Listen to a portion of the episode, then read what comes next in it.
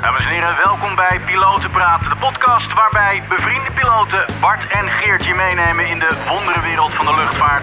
Misschien vraag je het jezelf al af, wat gebeurt er daar in die cockpit en daarbuiten? Je hoort het in Piloten Praat. Piloot, piloot, ik word piep, piep, piloot. Later verdien ik mijn vliegen mijn brood. Piloot, piloot. Nou, eh, welkom Geert.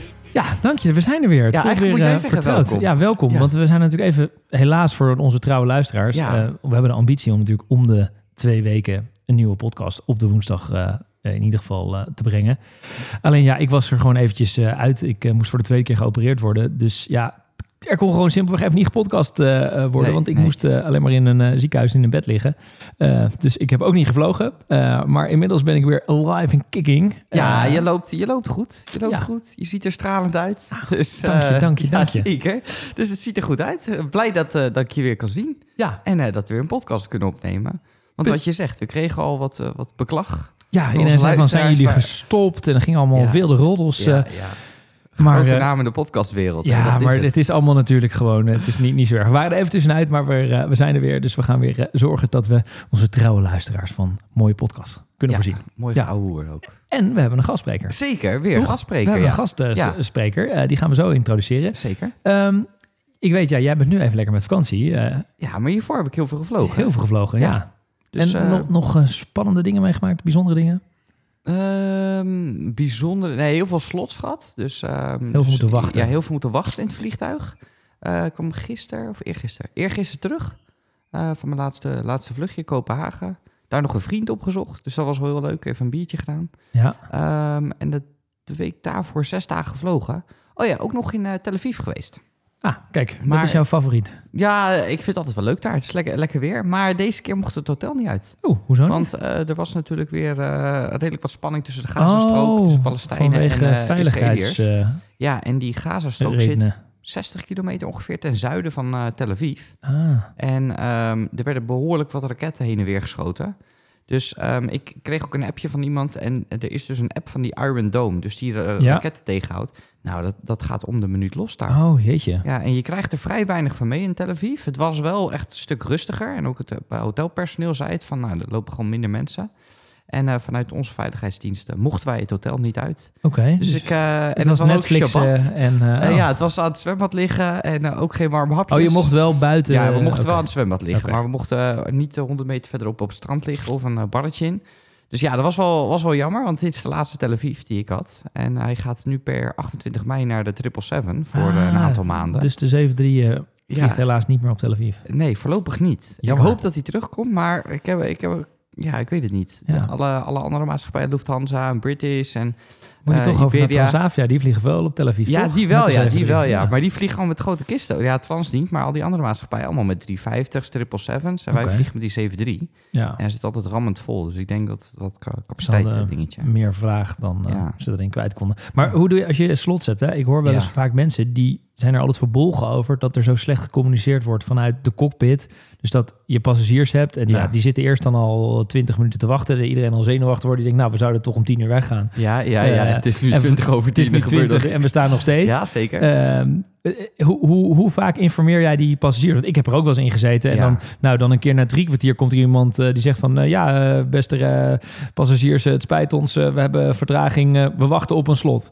En, en- Nee, en- eh, ja, ik probeer het wel. Ik, meestal doet eh, de welkomst, het welkomstpraatje is vanuit de gezagvoerder. ja, En, en 9 van de 10 keer wordt er wel vermeld van, nou, we hebben een slot. Wat is een slot? Eh, wij kunnen er 9 van de 10 keer niks aan doen. Het komt Ja. er traffic control, drukte enzovoort. Er wordt even uitgelegd. En dan wordt er gezegd, ja, als er aan verbeteringen is, komen bij u terug. De een die, die komt even om het kwartier met, met een praatje. De ander die, die wacht gewoon een half uur. Dat ligt er een beetje aan. ja, Maar we- ik hoe probeer meer je het- informeert, hoe beter het denk ik is. de Zeker, passagiers. zeker, zeker, zeker. Dus eh, ja, de meeste mensen proberen het ook. En die gaan zelfs in het gangpad staan, hè? Ja, Dus een beetje klantenbinding. Ja, precies. en eh, een beetje, misschien hè. soms nog even een rondje lopen. Mensen eh, vragen... Oh, ik had trouwens ja. nog een, kreeg ik nog een vraag in Oh, mijn zo, eigen zo. DM. Ja. ik, ik ga hem gelijk stellen. Het is druk bij jou. Ja, het- en op de het- piloot praten en in je eigen DM's. Precies, maar Ja. die vroeg aan mij: klopt het dat als het onweert, dat de bagageafhandeling moet stoppen? Eh, en dat Eh, weet ik eigenlijk eh, niet. Ik heb het eigenlijk Ja. nog nooit zo zelf meegemaakt. Vaak wel, vaak Ja? wel. Ja, als het echt onweer bovenop het veld. Hè? Ja, Dus, dan, dus- mag, dan mogen ze. Dat is eromheen- ook logisch, maar Ja. dan, dan, dan, Dan- moeten ze dus stoppen met in- en uitladen. Ja, er wordt er gestopt met in- en uitladen. En vaak ook geen take of landing gedaan. Ja. Tenzij ja, bijvoorbeeld nog een final zit. En die, die onweer is er. Ik weet niet hoe het dan precies zit. Maar vaak stopt dan al het, al het grondproces. Ja, de hele voor een bepaalde tijd. Ja, Ja, dus dan, dan is het helemaal chaos. Ja, dan... Slaat er. Maar gelukkig onweert het ook niet heel veel Nee. in Nederland. Ook nooit zo heel heftig. nee, maar soms op bestemmingen natuurlijk ja, wel. Zeker. En daar kan het echt heftig zijn. eh, ja. Volgens mij vorig jaar in Barcelona was het heel erg. Toen eh, echt twee, drie uur is het veld ook gesloten. En helemaal in de zomer is natuurlijk Ja. vaker ja. kans op ja. Onweer. Maar nu, Ja. ik zeg Barcelona. Ik weet niet of... nee, dat heb ik niet ge- eh, voorgenomen in de vorige podcast. Dat ik twee keer een go-round heb moeten maken. Nee, kijk, dit zijn Kijk, de verhalen. jij, jij wilde wat dingen weten. Ja. hè? Nu zit ik te denken. Ja, we vlogen Ik- dus... ja, jij hebt het mij wel verteld, maar niet in de podcast. Toch niet? Nee, niet. Nee, Oké, nee. nou, we vlogen dus op Barcelona, s s'avonds laat. Eh, je hebt daar drie banen. En meestal is baan, volgens mij is het nu weer 2-4 links-rechts. En je hebt baan 02. En die gaat dus eigenlijk richting het noorden. Eh, en die is s'avonds vaak in gebruik. Of vaak, niet zo heel vaak. Maar als die in gebruik is, is het altijd een beetje nou, stormachtig weer in Barcelona. Wil ik het ook niet noemen, maar andere wind. En dan is er redelijke paniek tussen de, in de, ja, in de Spaanse sferen. Want eh, die mensen kunnen voor mij niet zo heel goed eh, omgaan met, met verandering. Dus het was al best wel druk. Iedereen kreeg vectors. En wij zaten achter een boiling. En eh, nou, eh, elk veld heeft natuurlijk een airdrome information, waar dus informatie staat van nou, we verwachten dat een, eh, dat een vliegtuig er links of rechts afgaat bij die taxibaan. En die Boeing die dacht, nou, dat is leuk. Ik, ik pak gewoon helemaal het einde van de baan, drie kilometer lange baan. Ik ga er pas aan het einde af. Maar was het nat of zo dat hij langer de... Het was, het was nat, maar ja, had prima kunnen redden. Want er is dan ook een exit 2600 meter en volgens mij nog 2400 meter. Dus hij had het prima kunnen doen, maar hij, hij besloot dus aan het einde van de baan eraf te gaan. Ehm nou ja, Air Traffic Control houdt daar niet heel veel rekening mee, want die verwachten van, nou, er staat Ja. dit, mensen hebben zich ingelezen, je gaat er links of rechts op, op dat moment af. Ja, Dus ehm, nou, de, de spacing, de separation werd al kleiner en kleiner. Dus we zeiden elkaar, let maar op, het wordt go-around. Dus wij, nou, uiteindelijk eh 500, 600 voet die go-around in. Eh, langs de kust van eh, Girona gevectord. eh praatje gehouden. En ehm nou, we kregen weer een, nieuwe line-up. En we zeiden al van, eh, laten, we, laten we wat meer spacing eh, gaan houden. Flaps 40 approach. Eh, vliegen zo langzaam mogelijk en dan wordt de afstand op je voorganger wat groter. En dat was deze keer een British Airways. Nou, eh, werden weer netjes op de ILS ge gevectord. En die British Airways, nou, geland. En die zet hem ongeveer halverwege de baan stil. En die roept, we can't see the exit. Where is the exit? And we can't find it on our charts. Dus ATC, British Airways, please expedite. Dus even opschieten. Eh yeah, but where is the exit? It's, it's on your left, 100, 200 meter. Ehm, maar ja, die gasten, yeah, but we can't find it. And the lights are, too, eh, are not that bright. Dus wij zo, oh, dat ga je niet menen. Nou, werd gezegd KLM expect a late landing clearance.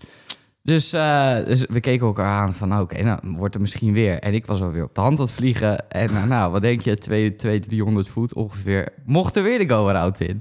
Nou, weer een hele mooie vector. En wij zeggen, eh, nou, eh, can we have a short, short line-up? Ja, because of, eh, of fuel situation.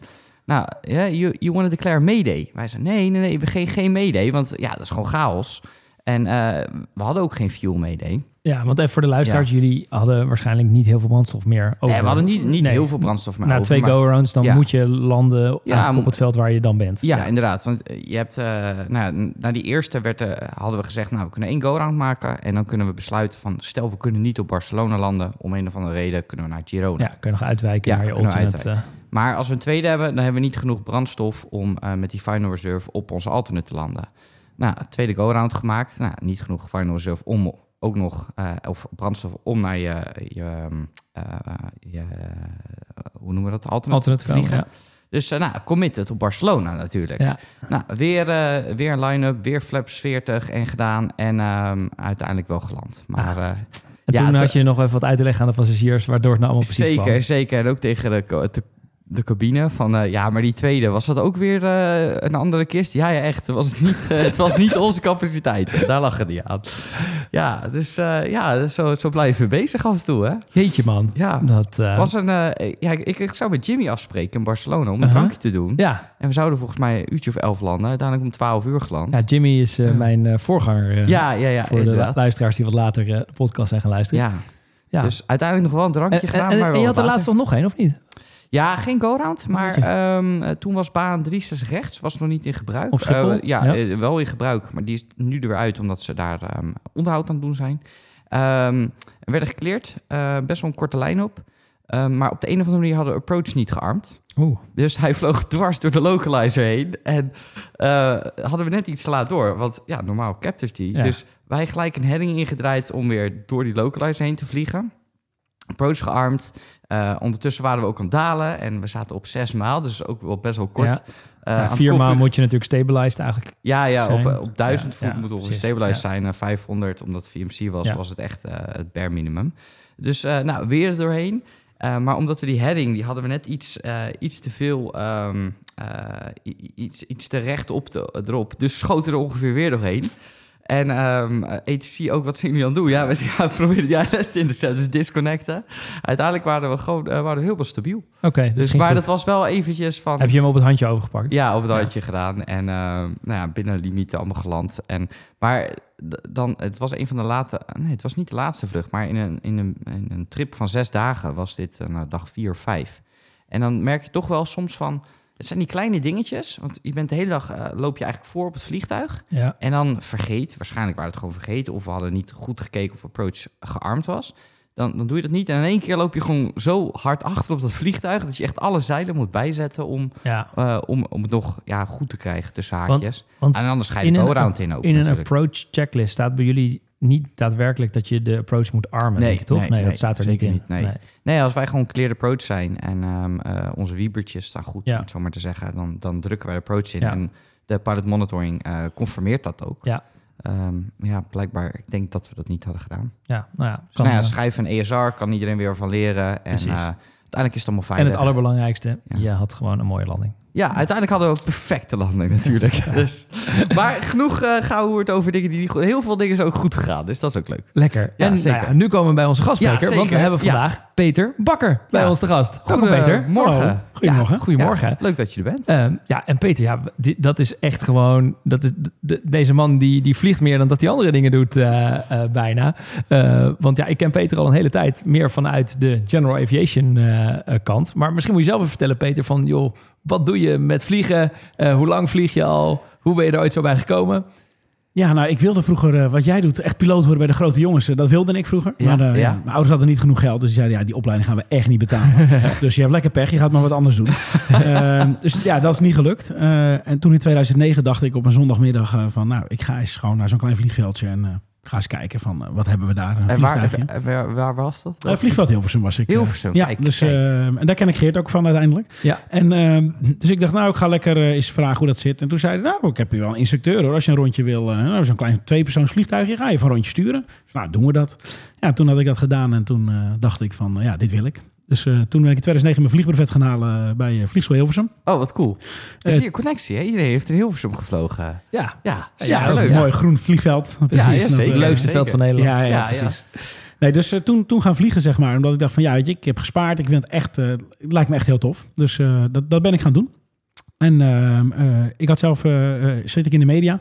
Fotografie en video, eh, vooral voor eh eh, 1 en 2 nieuws en journalistieke achtergrond, zeg maar. En eh, nou ja, daar lekker gaan vliegen. En toen dacht ik, hey, ik kan wel mooie plaatjes maken, ook vanuit een vliegtuig natuurlijk. Hè. Je ziet het toch weer totaal Mhm. anders dan op de grond. Eh, dus een jaartje met brevet gehaald en eh, nou ja, van lieverlee het, eh, het werk gaan combineren met eh, nou ja, ook het vliegen, zeg maar. Van nee, daar zie ik wel mogelijkheden in. Ja, Ja, dus toen ben je luchtopname.nl gestart. Klopt inderdaad. Ja, dus eh, luchtopname.nl en eh, daarmee doen we... eh, in eerste instantie was het allemaal alles met een Cessna natuurlijk. Een, eh, een 172 met vleugels aan de bovenkant. ja. Waardoor we een raampje open konden doen, dat we gewoon vrij zicht naar beneden hebben. En nou ja, fantastische foto's kunnen maken. En, Eh, en jij vloog dan en dan een collega die maakte foto's? Ja, andersom? iemand die bij Of, mij, eh, eh, of bij deed me werkt, tegelijk. ik heb stiekem bij de Sail Amsterdam het zelf gedaan. Oh, echt? Oh, cool. insturend en, en, en boven de Sail wat foto's gemaakt. Ja, ja. Maar goed, in principe vliegen we zelf. En heb ik een fotograaf achterin die bij mij werkt. Of van een ander bedrijf die vliegt. Die, die, of die een ander bedrijf die foto's maakt. Die, Ja. die maakt dan de foto's. Dus speciaal fotoramen door Vliegschool Hilversum laten maken. Achterin het vliegtuig die open kan. En waardoor we dus echt fantastische ja, opnames kunnen maken. Oh, super vet. Ja. En eh, ja, dat, dat kon natuurlijk eh, eh, eh, met een vliegtuig overal. Zeg maar. Ook boven Schiphol. En ook boven Rotterdam. En met een, eh, ja, dat, dat, dat maakt het zo mooi dat je plaatjes kan maken in eh, gebieden waar dat niet iedereen kan komen, zeg maar. Ja, Nee. en de laatste jaren zijn de drones natuurlijk ook bijgekomen, want dat doe je ook fanatiek. Zeker, ja. In de begin dronetijd dat dat kwam, eh, ja, dachten we van... hé, hey, dit wordt of een concurrent of het wordt een mogelijkheid om te kijken... hoe kunnen we daar ook in meegaan. Mhm. Toen waren we toen het zesde bedrijf in Nederland... die een van de eerste licenties had eh, om dat le- legaal zeg maar, de lucht in te gaan, eh, zoals we dat noemen. Mhm. Mhm. En ehm, ja, dus ja, die stap hebben we gemaakt. En eh, zijn we heel blij mee dat we ook in de dronewereld gewoon eh, actief zijn. Want eh, nou, het is een stuk goedkoper, een stuk milieuvriendelijker natuurlijk met een drone. En eh jij biedt heel veel mogelijkheden. Ja. Ja, en wat je zegt, jij bent een van de weinigen. Want als je wil drone in Nederland, je hebt gebieden waar je zomaar je drone omhoog kan gooien. Ook als commercieel bedrijf. Alleen je hebt natuurlijk ook plaatsen, daarin wil je met je drone vliegen in de controlzone van een vliegveld. Neem bijvoorbeeld Ja. Amsterdam. Eh, en ja, daar ben jij natuurlijk ook helemaal gespecialiseerd in. Want jij kan eh, het vergunningstuk regelen. Plus je hebt ook contact met de verkeersleiding op dat moment, toch? Ja, precies. Er zijn eh, op dit moment een soort van 190 bedrijven die inmiddels zo'n licentie hebben. Ehm, die dus ook in eigenlijk heel Nederland kunnen vliegen binnen de bepaalde regeltjes die er zijn. En eh, nou ja, als we kijken dat we bij Schiphol, was het natuurlijk tot een paar jaar terug ondenkbaar dat jij op Schiphol Oost met een drone kon vliegen boven een privéjet of boven een KLM-kist die gesleept werd. Nou, inmiddels kan dat allemaal. Hè? Met de juiste afstemming kan dat. Mhm. Ehm, eh, het is zeer lastig nog met de regelgeving. Hè. Daar zijn we als drone community ook mee bezig tegen de overheid. Van probeer het wat makkelijker te maken. Eh, om een voorbeeld te geven, we hebben uh, door een als piloten, snap je dat, is een, een CTR, een beveiligd luchtruim rondom Schiphol. En dat is een beetje van Zandvoort tot Alphen aan de Rijn, tot Vinkenveen, tot uh, nou ja, Alkmaar, of naar Purmerend een beetje. Ja. Hè. Dat is een heel groot gebied van Nederland. En op dit moment mag er in dat hele stuk één commerciële dronepartij actief zijn op één moment. Dat dus- weet je niet. In dat hele gebied is gewoon bijna onwerkbaar voor ons, want we kunnen daar bijna niks natuurlijk. Ja. Nee. Maar Dus eh, als één iemand de, de bollevelden wil doen en de ander die wil iets boven Amsterdam doen, dan kan het niet. Dan kan het niet, niet Nee. tegelijk. Eh, en dat heeft te maken dat we in eh, tweezijdig radiocontact met de toren van Schiphol moeten staan. Om, hallo, ik ben Peter, ik wil mijn drone de lucht in laten. Mag dat, meneer van de toren? Gaan we gewoon tussen jullie KLM Ja, ja, ja, we je hoort het wel eens. Je hoort het Ja, wel eens. Dus ja. het is... eh, het, Ja, dus het dan moet- heb je gewoon Bas aan de telefoon of aan de lijn ja, eh, ja, hangen, ja, dat die al eerder bij ons zijn. in de podcast was. Ja. Precies. Dus, eh, maar goed, het wordt allemaal eh, goed gecoördineerd door de operationele helpdesk van eh, LVNL. En eh, eh, het, werkt prima. Eh, eh, het enige is met, met drones, is, we hebben ook met het weer te maken. Dus we gaan heel veel vliegplannen inschieten, want ik denk dat het dit weekend mooi weer wordt.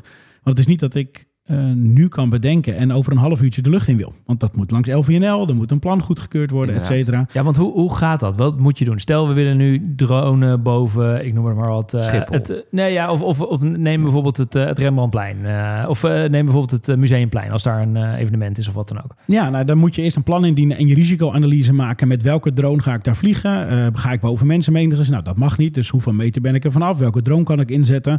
Eh, hè, dan, dan maak je een soort grondanalyse van wat is het geval dat mijn drone valt? Wat is dan het risico dat hij op een auto valt? Of, eh, hè?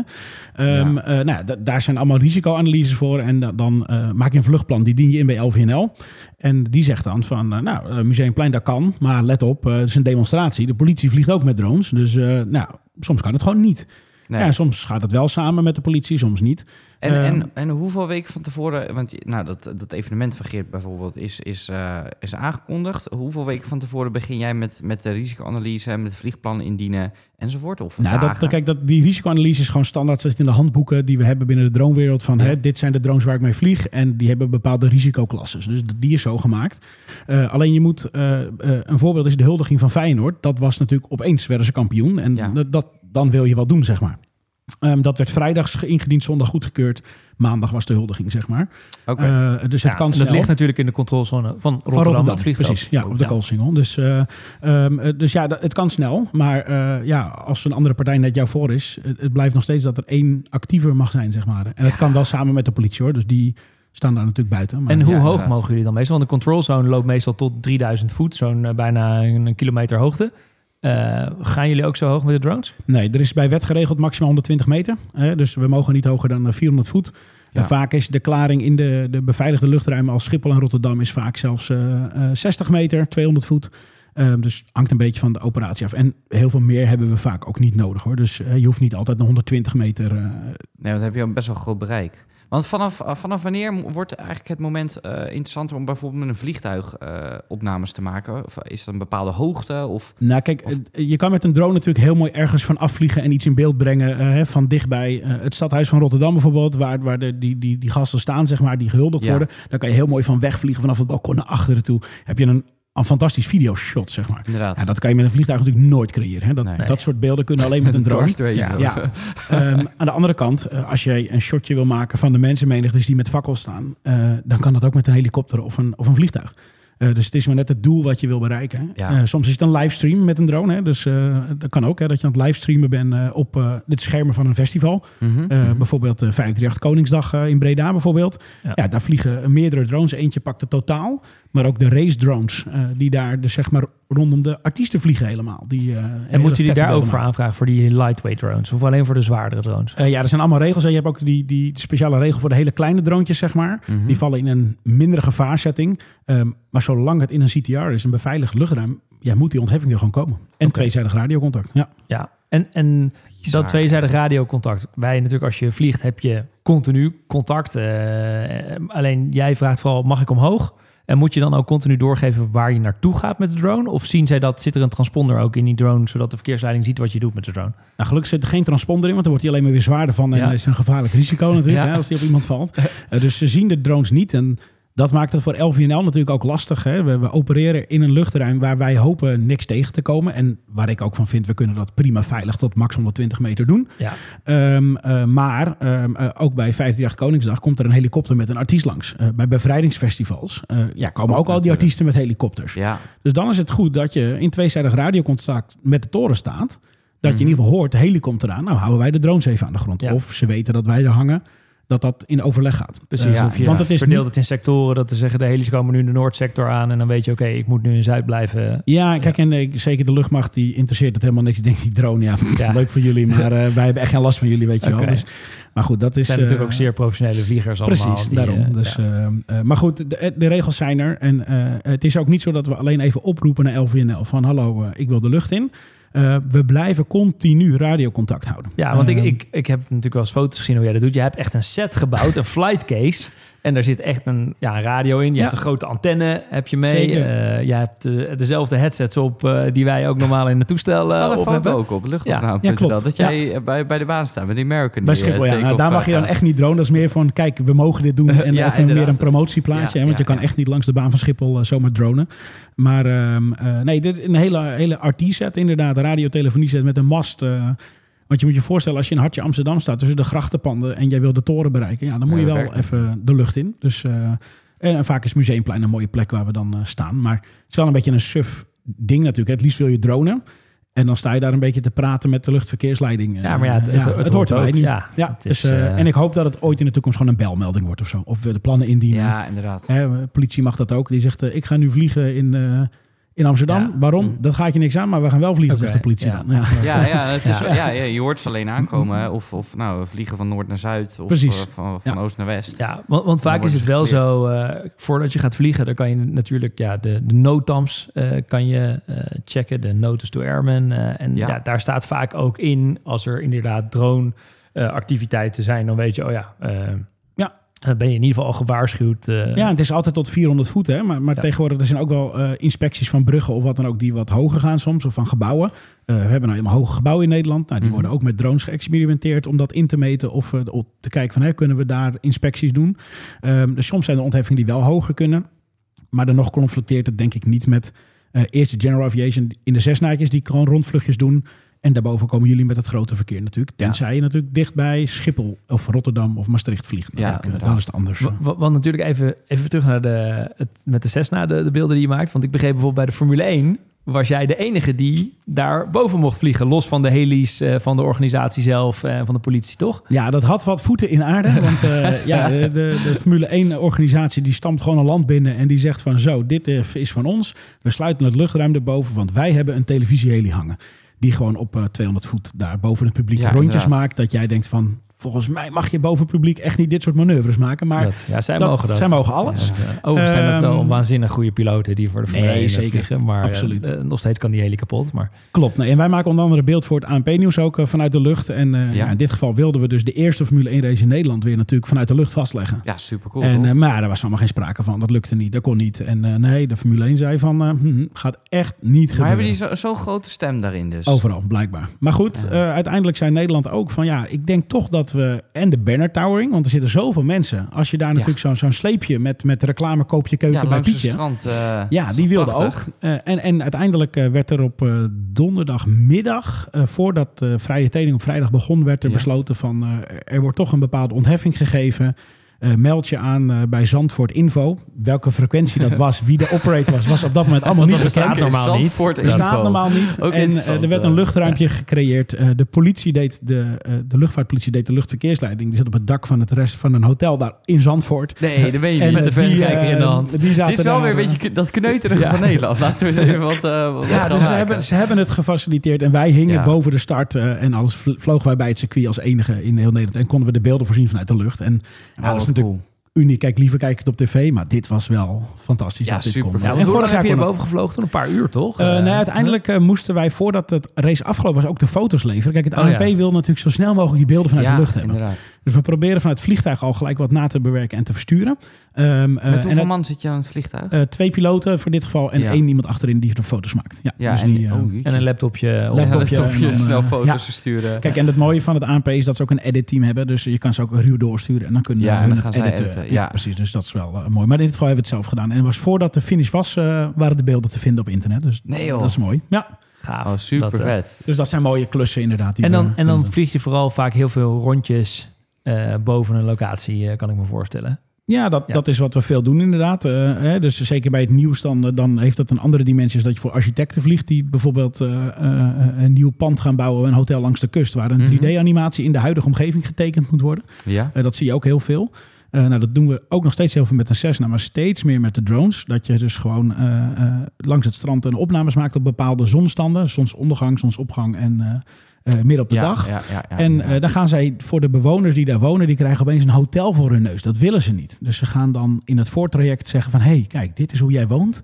En hier komt een hotel, maar dit is jouw uitzicht, jouw echte uitzicht. En daar, daar plotten ze dan in een 3D-animatie in hun omgeving eh, een, een nieuwe foto. En dat kan met drones, is dat een hele mooie techniek waar we heel veel werk in hebben. Ja. Super vet. Tof. hey, maar, Maar- eh, naast natuurlijk al het luchtopname en drone eh, geweld, doe jij nog iets heel leuks. Jij bent natuurlijk ook de, ja, hoe noem ik dat? De, de, de, de, de, Operational force- manager. De operational, Operational manager, van Stichting Hoogvliegers. Klopt, inderdaad. Ja. Ja. En misschien kan je uitleggen, wat doet Stichting Hoogvliegers? Ja, Stichting Hoogvliegers is een, eh, een goed doel. Die vliegt met eh, zieke en gehandicapte kinderen van 6 tot en met 17 jaar vanaf alle vliegvelden in Nederland.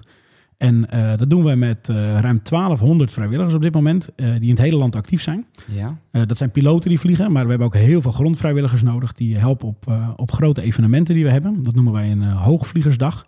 En daarin ja, hebben we één keer per jaar op een, ieder vliegveld eigenlijk een, een groot feest. Een vliegfeest voor, voor die doelgroep. En ehm, eh, wat we dan doen is dat we eigenlijk bij een externe locatie beginnen. Een, eh, een soort van de Valk bijvoorbeeld. Ja. Eh, en daar staan dan Ferraris en vrachtwagens en trikes en quads en van alles klaar voor die kinderen. Politie, worden dan, brandweer eh, werken ja, ook vaak mee. Zeker, Ja. de Kamar. En die gaan onder politie of Kamarbegeleiding met toeters en bellen zo naar het vliegveld toe. En Oh, daar cool. worden ze ontvangen door ons. En daar staan een stooi piloten klaar. Die vliegen dan naar de vliegvelden in om daar eh, nou ja, een rondje te vliegen met die kinderen. Mhm. Eh, en is er heel veel entertainment voor die kinderen. We hebben eh, vaak een patatkraan. We hebben entertainment rondlopen van, van, van politie, douane met in beslag genomen goederen die ze kunnen zien. Clowns. nou ja, eigenlijk verzin het en we gaan die kinderen vermaken met als hoogtepunt een rondje vliegen. Ja, en je wil ze eigenlijk gewoon even een hele leuke dag geven. eh, omdat vaak de kinderen die meegaan, ja, die hebben het niet makkelijk. Want die zijn vaak hebben een, een ziekte of die hebben een bepaalde aandoening. Ja. Eh, Nou, klopt. En, en niet alleen dat ene kind. Hè, want in zo'n gezin draait het dan ook vaak om dat ene kind steeds. Ja. En dan heb je ook broertjes, zusjes. Ehm, eh, dus het is eigenlijk een verwendag voor de hele gezin. Eh, soms de opa's en oma's, omdat dat de mantelzorgers zijn bijvoorbeeld. Dus we willen even die mensen uit hun dagelijkse ziektesleur halen... om even te zeggen van, hé, je kan even iets unieks doen. Mhm. En eh, wat we dan proberen te doen, als het veilig kan... als we bijvoorbeeld op duizend voet vliegen, dat als we recht vliegen... dan zeggen, nou, pak het stuurtje maar... en dan probeer maar eens een klein beetje naar links en naar rechts te sturen. Ja, ja, dat je prachtig toch? eh, piloot kunt zijn. Dan krijgen ze ook een diploma van ons. oh, wat leuk. Ja. Superleuk. Dus, en, en, eh, sinds wanneer ben je daar eh, aan verbonden? Ehm, ja, toen ik mijn vliegbrevet had, toen dacht ik, hé, wat een goed doel, wat, wat tof. Mhm. En ze doen het op alle vliegvelden in Nederland, maar niet op Hilversum waar ik vloog. Oh, denk, waarom is dit? Ja. Toen zeiden ze, nou ja, het is een vrijwilligersorganisatie. Toen zeiden Ja. ze van, nou ja, eh, we zoeken vrijwilligers. Als jij Hilversum dat wil doen, graag. Dus nou ja, Mhm. toen in 2014 eh, heb ik dat voor het eerst gedaan. En dus nu tien jaar ruim ben ik daarbij actief. En ja, ben ik inmiddels operational manager en mag ik daar ja, de hele toko, eh, het hele land een beetje aansturen en doen. Eh, Dat is super tof. Ja. Heel Ja, cool. en je doet ook nog iets bijzonders, want je vliegt zelf ook natuurlijk nog het ambulancetoestel van de hoogvliegers. Ja, we hebben als enige in eh, nou, misschien wel Europa een heel bijzonder vliegtuig waar een brancard in kan. Eh, Mhm. dat is een, eh, een Gibson Airvan eh, GA8 eh, vliegtuig voor de vliegtuigkenners die het willen opzoeken.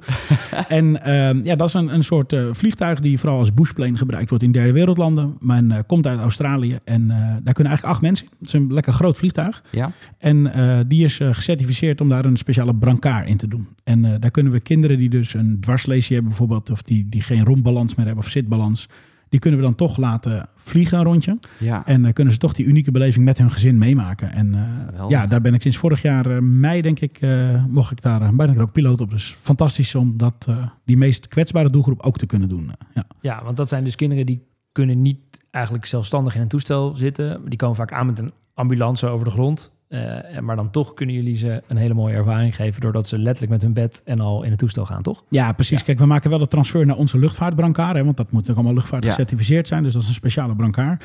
Um, en, en, dan kunnen die mensen toch gewoon vliegen. En soms gaat er een, een arts mee of een verpleegkundige... of er gaan infusen mee, hè, mm -hmm. van alles. Um, dus dat is super mooi om te doen. En uh, uh, ja, maak je echt wel uh, heftige dingen mee erin natuurlijk. Het zijn niet altijd mensen die terminaal zijn, gelukkig. Want er mm -hmm. zijn ook heel veel kinderen die wel weer beter worden... Gelukkig, maar, maar, ja, ja het is, uh, daar ben ik blij, want als je alleen maar die vlucht hebt, dan is er echt niks. Uh, Zo.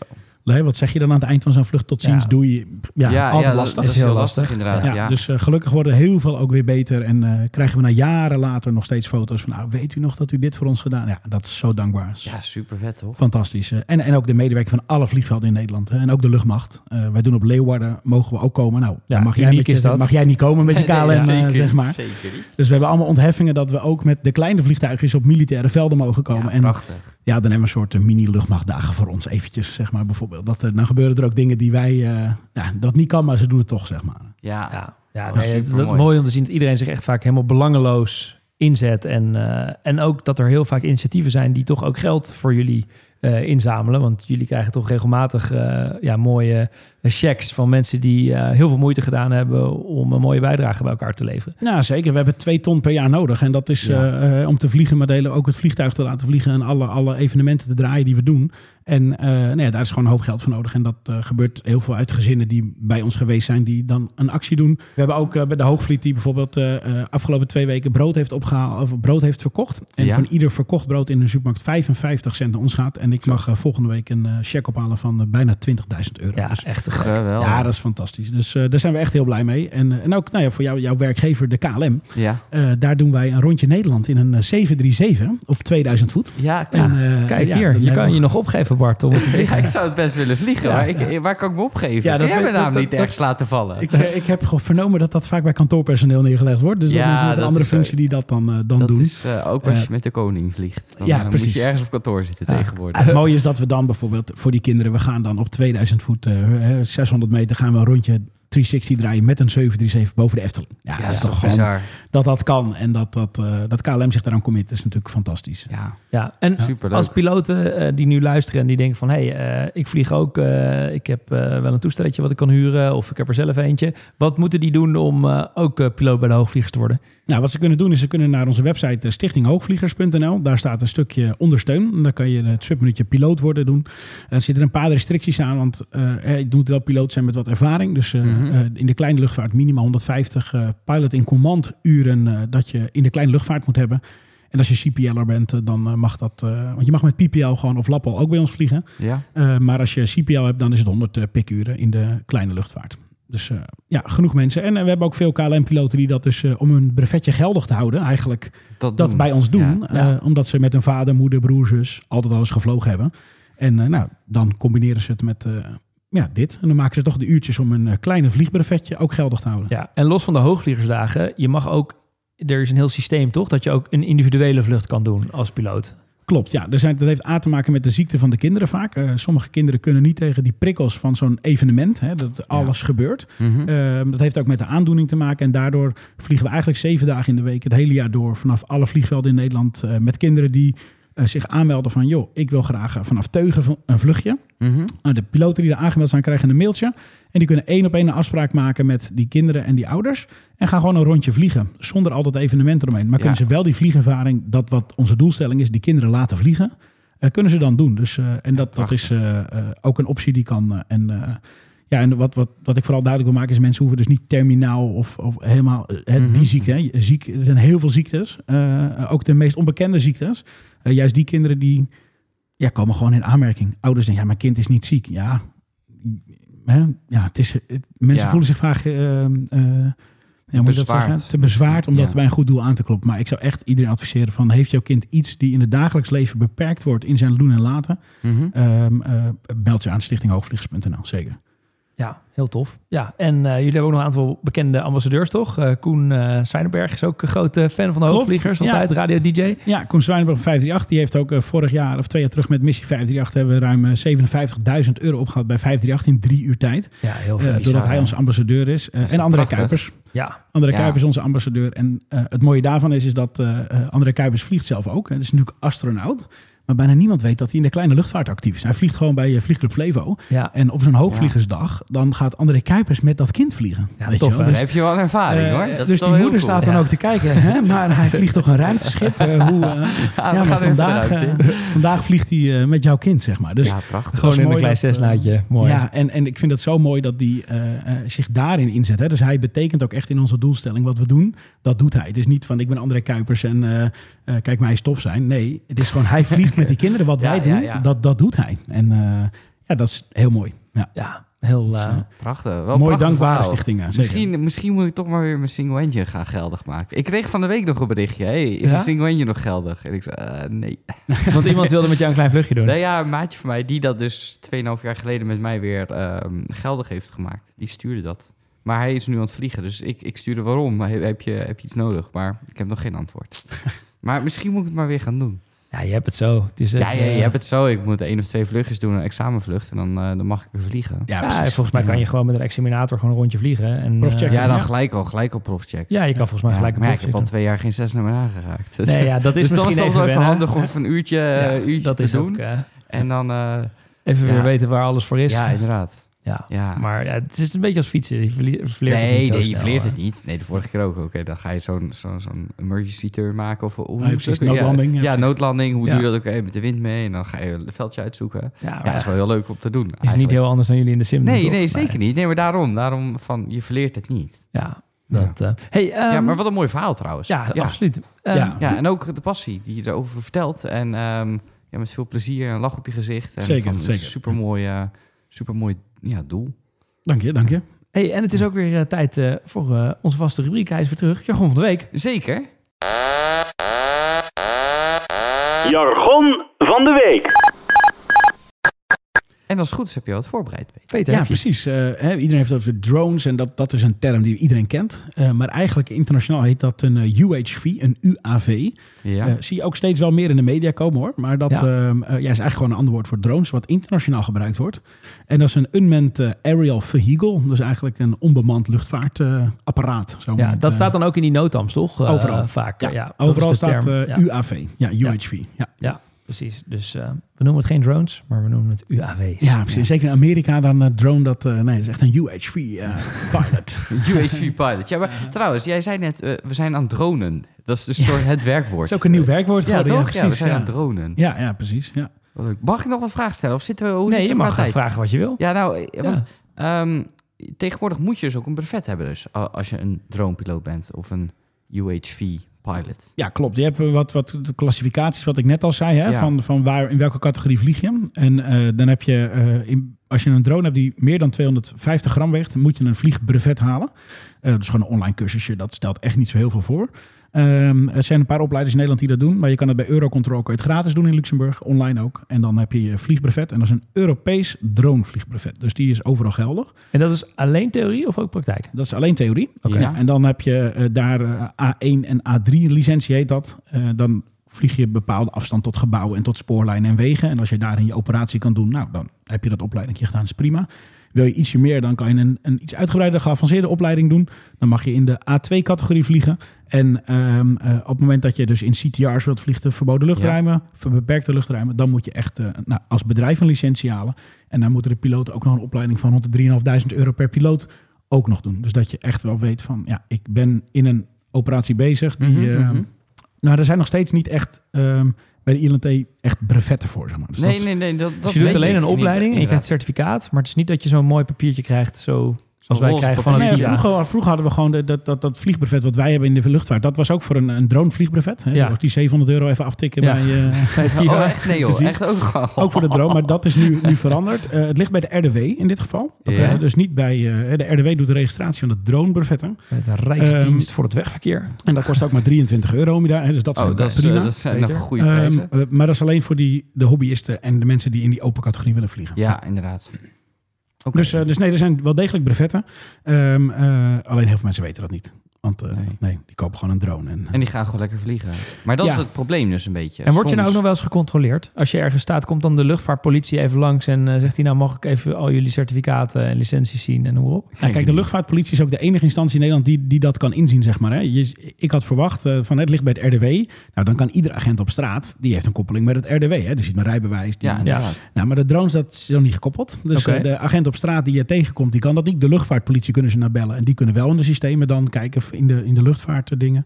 Eh, maar we hebben heel weinig controles. Ehm, eh, dus dat is op zich mooi. Het is ook zo dat we vooraf bellen als we zo'n operatie in een Schipholgebied doen. Dan bellen we vooraf ook met gewoon 0900 844 van joh, meldkamer Amsterdam weet dat wij Museumplein gaan dronen. We hebben geen zin in controles. Zeg even tegen de mensen op straat dat dat zometeen gaat gebeuren. Ze zijn Ja. van harte welkom om te kijken. Maar ga nou niet een uur controle doen. Nee, hebt er toch geen verstand van. Nee. Weet Nee. je wel? Eh, maar nou, dat gaat ook prima. En eh, dat is eh, dus vooraf die meldingen, die, dan, dan werkt het eigenlijk twee kanten helemaal prima. Ja. Ja. En even over die opleiding. Dus als je een zware drone hebt, heb je echt een opleiding. Maar dan ga je dus echt leren die drone vliegen en, ehm, en de limieten opzoeken. ja, en, het is en- eigenlijk. en eh, van welk gebied mag ik wel vliegen, niet, enzovoort. Nou, kijk, dat is gewoon de luchtvaartkaart Ja, interpreteren. eh, en daarbij afstand tot, eh, tot bebouwing of wegen of treinen. Mhm. Of, hè, er zijn allerlei regels voor. Ehm, en die opleiding zit een stukje theorie, maar die gaat heel diep in op die, vooral die gevarenanalyse. Hè. Ik Ja. ben een operatie aan het doen. Welk grondgebied moet ik wat afzetten? Moet ik mensen informeren dat ik ga dronen die op de grond lopen? Ehm, dat, dat is deel 1. En, en deel 2 is dat je eh, ook een stukje praktijk. Hè. Vijf keer twee uur op vliegveld Valkenburg van vroeger. Daar Mhm. zit een droneopleider en daar ga je dus echt eh, drone doen. En dan zetten ze alle GPS'en uit en dan zeggen ze zorg maar dat die gewoon netjes landt. En ja, jij wil een operatie doen tot een meter voor een gevel. Nou, zorg dan maar dat die zonder GPS, dat je dat ook kan. Hè? Echt dat je op het echt handje. laat zien op het ja, handje kan ja, ja, inderdaad. Eh, dus daar zie je vooral eigenlijk de, de, de nooddingetjes en de, eh, ja, de dingen die je echt moet kunnen. Je moet wel kunnen vliegen. Want eh zodra een GPS het doen, kan iedereen een drone besturen. Mhm, Ja. en er zal echt niet zoveel misgaan, want die drones, ja, ze zijn niet zo groot meer tegenwoordig. Maar Nee, er zitten ook vaak met sensoren dat ze ook niet botsen en dat soort dingen vaak. Ja, eh, Klopt, er zitten heel veel sensoren op. Maar, eh, en daar gaan de meeste beginnende dronepiloten de mist in. Want eh, eh, de mist in, ik wil het over mist hebben. Je hebt natuurlijk, als het mistig is, heb je fantastisch mooie beelden kun je maken. Uh-huh. met, met, met door de mist heen met je drone. En dat je de kerktoren van je dorp erboven ziet steken. Of de domtoren bijvoorbeeld. Ja, zeker. Maar zodra je er naar beneden gaat, zegt die sensor, ja, ik ben op de grond. Dat is mist. Ja, Ah. het. Dus ja, en ja, de ja. meeste dronepiloten gaan daar de mist in. Want die, ja, die drone luistert niet meer. Moet je even de sensor uitzetten. Ga je naar beneden opgelost. Want die Ah, drone denkt, ik ben op de grond. Ja. Dus dat eh, Dat eh, zijn, dat zijn trucjes. zijn wel heel veel dingen die je echt wel eh, moet weten wa- wat je doet. Dus eh, en ja, het is toch zonde van je 500 euro van je speelgoeddrone anders als je... eh, ja. Bizar hè? Ja, nee, Want hij zegt, hij zet gewoon de motors uit ook, hè? Want Ja, hij denkt, ik ben op precies, de grond. denkt, Ja, ik ben er. het is mooi geweest klaar. En Ja. dan valt het ding uit de lucht. Precies, ja. Dus, Ja, eh, bizar. En ehm, ik had vorig jaar in Bali, was ook iemand eh, met een drone bezig in die rijstvelden. Maar die vloog op zo'n palmboom in. En eh, die kreeg hem er niet meer uit. En die zat maar op zijn ding te kijken. En dan denk ik, ja, moet hier liggen? Er is zo'n lokaal, die is die boom in geklommen. Uh-huh. En uiteindelijk die drone gevonden. Maar ja, ook wel grappig Ja. eigenlijk. Ja, maar dat- ja, het gebeurt zoveel. Ja, dat, eh, ja maar het was ook zo'n klein dingetje natuurlijk. Ik zie zo vaak mensen ook op het strand en dan Ja. eh, hebben ze hem leuk proberen en dan eh, een half uur later ligt hij in de plomp. ja, ja, of mensen die vanaf een boot opstijgen, weet Ja. je wel. Dat, dat, die, die, die drone die zegt van, nou, ik ben hier opgestegen. Als er dan iets misgaat, dan ga ik terug naar mijn punt waar ik opgestegen ben. En dan is die boot weg, weet je wel. Dan Ja, zie je hem zo in het water zo. Ja, dat is van die meest...